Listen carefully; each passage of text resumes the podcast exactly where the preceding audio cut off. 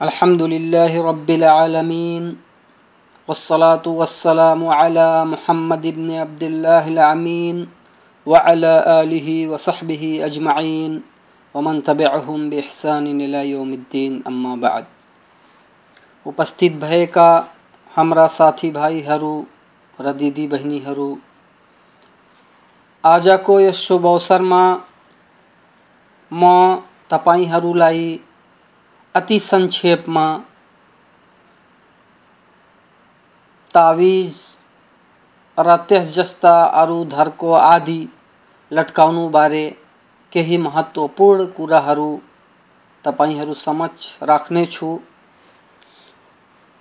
अल्लाहसित प्रार्थना छ कि अल्लाह मलाई कुरान र सही हदिसको प्रकाशमा यी समस्त कुराहरूलाई राख्ने अवसर प्रदान गरून् साथै अल्लाहसित यो याचना छ कि अल्लाह हामी सबैलाई सत्यलाई भन्ने र सत्य बमोजिम कार्यरत रहने अवसर प्रदान गरून् आमिन। प्रिय भाइ र दिदी बहिनीहरू, हाम्रा समाजमा जंत्र मंत्र, तंत्र आदि विभिन्न प्रकारका गतिविधिहरू पाइन्छन्। र बेग्ला बेग्लै तरिकाले त्यसलाई कार्यान्वयनमा ल्याइन्छ।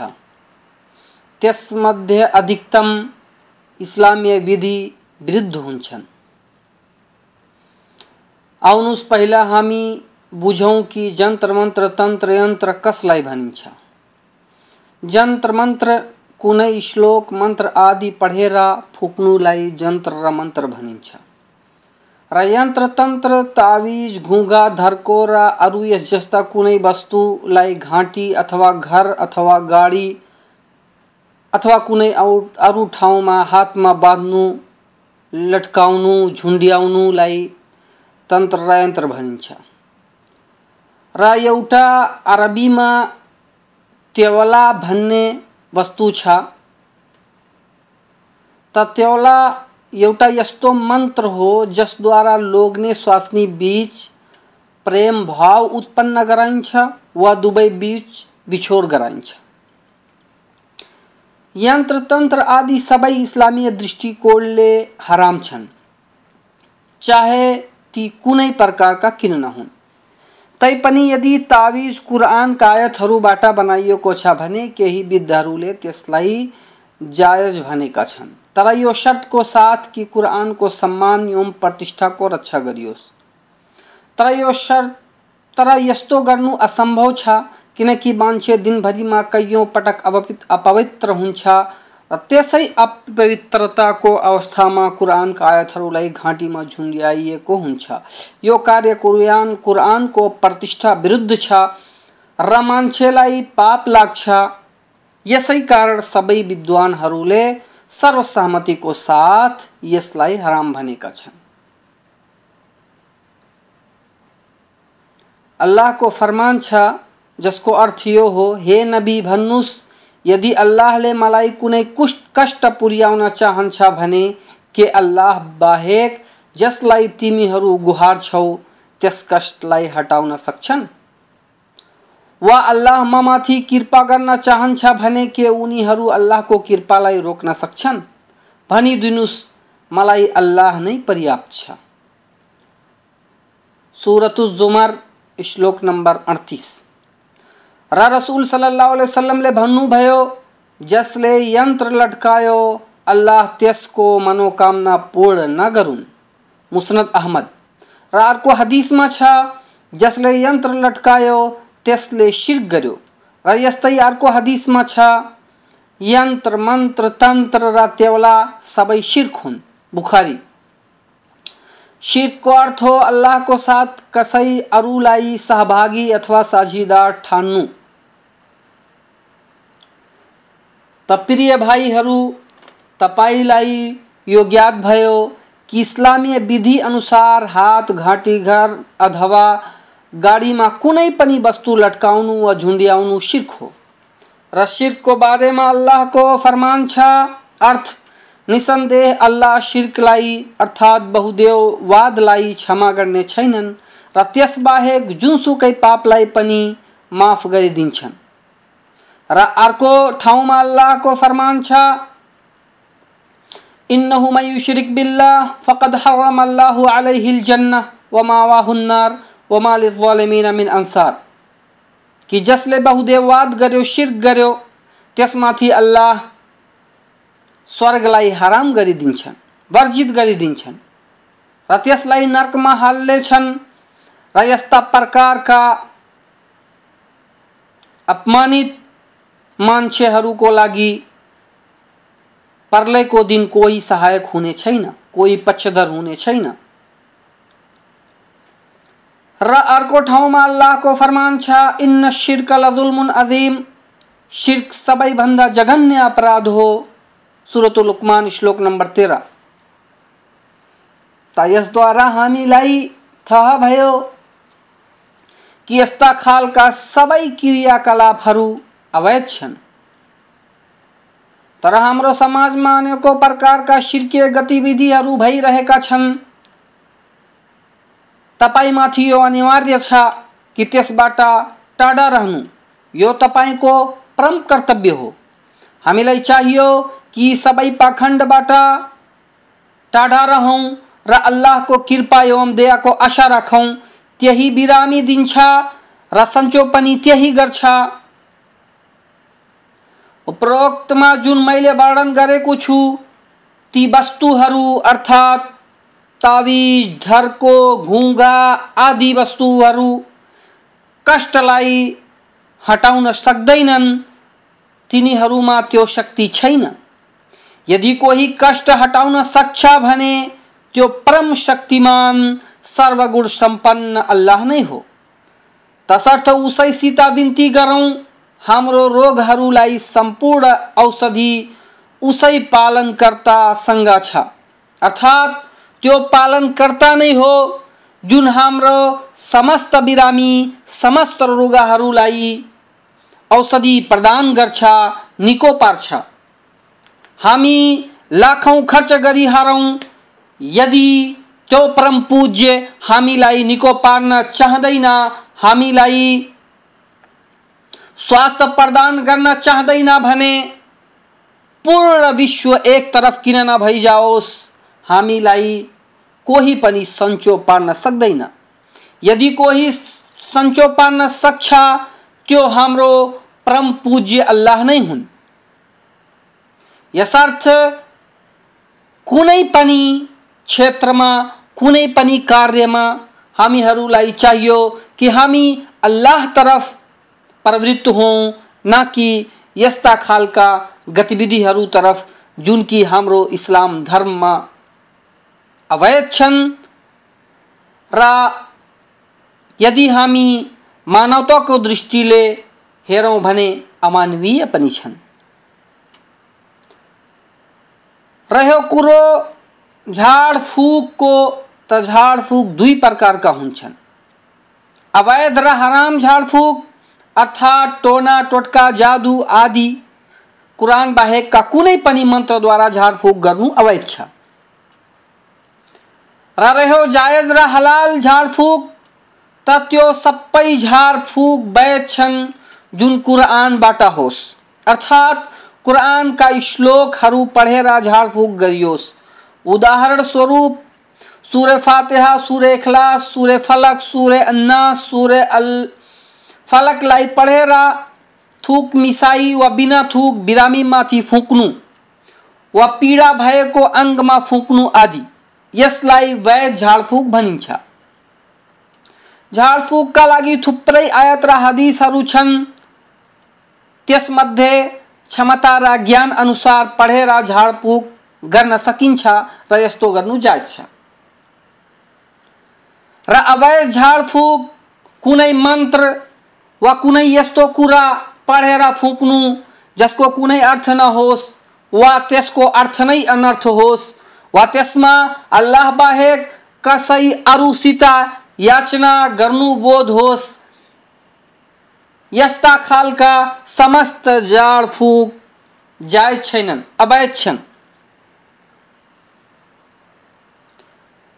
त यति थोरै समयमा मैले तपाईँहरू समक्ष जुन दुई चार कुरा राखेँ त्यसबाट मलाई आशा छ कि तपाईँहरू त्यसबाट लाभ लाभान्वित हुनुहुन्छ। र यदि तपाईँहरूमा यस्ता खालका गतिविधिहरू छन् कि तपाईँ दोपा दोकानमा केही झुन्ड्याउनुहुन्छ जस्तो कि हाम्रो समाजमा आज केही पेटपालु मौलवीहरू केही उल्टा सिधा धर्को बनाएर भन्छन् कि यसलाई आफ्नो दोकानमा लगाउनुहोस् यसलाई आफ्नो घरमा लगाउनुहोस् यसद्वारा तपाईँहरूलाई अल्लाह अपार धन दिन्छन्, अपार संपत्ति दिन्छन्। तर यदि त्यसको वास्तविक, वास्तविकतामा जानुहुन्छ भने, त्यसलाई त्यो पेट पालु मुलवी बिक्री गरेर सौ रुपियाँमा, हज़ार रुपियाँमा तपाईँसित पैसा लिन्छ। यदि त्यो धर्कोले त्यसले बनाएको त्यो नक्साले यदि संपत्ति दिन्थ्यो भने, वा संपत्ति दिने माध्यम बन्थ्यो भने, त्यो पेट पालु मुलवी त्यो पेट पाले पीर आफ्नो घरमा हजारौँको तादादमा, हजारौँको सङ्ख्यामा किन झुन्ड्याएन? ताकि त्यसलाई पूर्ण विश्वको सम्पत्ति नै प्राप्त हुन्थ्यो। तर त्यसलाई थाहा छ कि म सबैलाई मूर्ख बनाइराखेछु। सबैलाई म ठगी गरिराखेछु। त्यसबाट केही हुन्न त्यसलाई पनि थाहा छ। यदि केही हुन्थ्यो भने त्यो आफै आफ्नो घरमा आफ्नो दोकानमा त्यसलाई लट्काउँथ्यो। तपाईँलाई बिक्री गर्दैन थियो। के कसैसँग अपार संपत्ति भयो भने कुनै, अर्थात् कुनै अमूल्य संपत्ति जसरी लाल, हिरा, जवाहरात आदि, मुगा हुन्छ भने के त्यो मान्छे त्यो अमूल्य संपत्ति कसै अर्कोलाई दिन्छ र? त्यो त त्यसलाई लुकाएर राख्छ कि कुनै अर्कोलाई थाहा नभइहालोस्। कि त्यो मासित यसलाई खोसोस् अथवा यसै जस्तो त्यो पनि पाउने प्रयास गरोस्। यदि यस्तो आडो तिर्छो बाङ्गो धर्कोहरूमा यति शक्ति हुन्थ्यो भने उनीहरू आफ्नै घरमा आफ्नै दोकानमा लट्काउँथे। तपाईँलाई बिक्री गर्दैनथे मलाई आशा छ कि तपाईँलाई मेरो कुरा तपाईँ मेरो कुरा बुझ्नु भयो होला। मैले के भन्न खोजेको? यति कम समयमा मैले जुन भन्न खोजेको छु, मलाई आशा छ कि तपाईँलाई त्यसको ज्ञान भइहाल्यो होला। यसले गर्दा यस्ता ठगहरूको फकाइमा तपाईँहरू नआइकन आफ्नो धर्मलाई नष्ट नगर्नुहोला आफ्नो धर्मलाई यस्ता पापी मूर्खहरूबाट बचाउनु होला किनकि यिनीहरू धर्मलाई बिक्री गरेर पैसा कमाउँछ।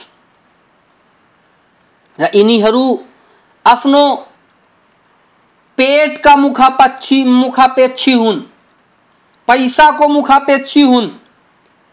यिनीहरूसँग धर्म नामको कुनै वस्तु हुँदैन कुनै चिज हुँदैन। यसले गर्दा ताविज, धर्को, आदि यस जस्ता जति पनि सर्वत्र बजारमा उपलब्ध छन्, त्यसबाट बाँच्नु होला।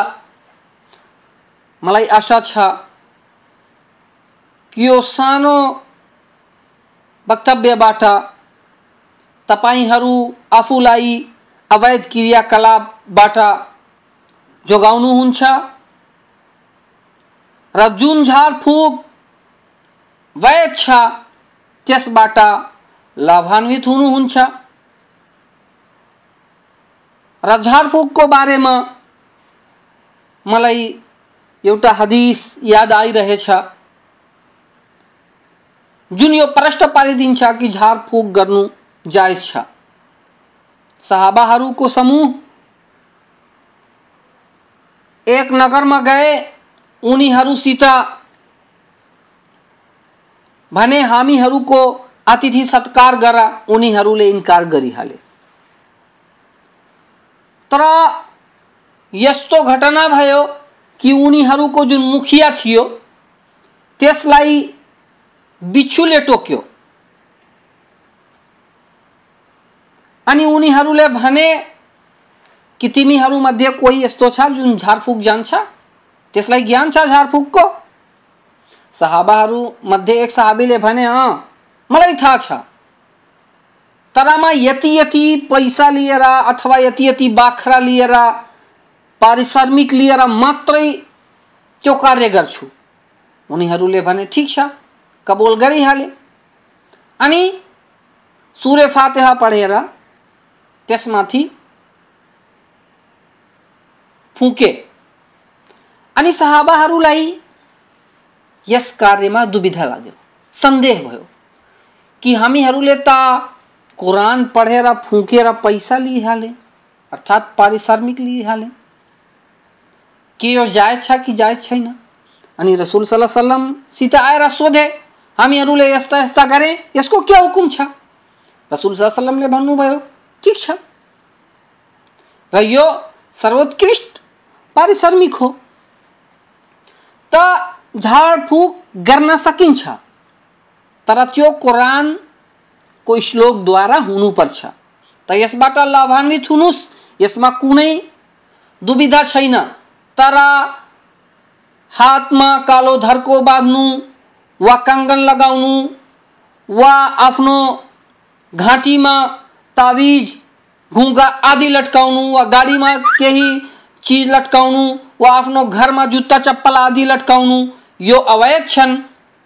यसबाट तपाईँहरू बाँच्नुहोला मेरो अल्लाहसित बिन्ती छ कि अल्लाह हामी सबैलाई सत्य पथमा अग्रसर हुने सौभाग्य प्रदान गरून् र हामीहरूका अज्ञानतामा भएका दोष पापहरूलाई क्षमा गरी हामीहरूलाई आफ्नो स्वर्गमा स्थान प्रदान गरून्। वाखरुद्द अवान अनिल रब्बिल आलमीन।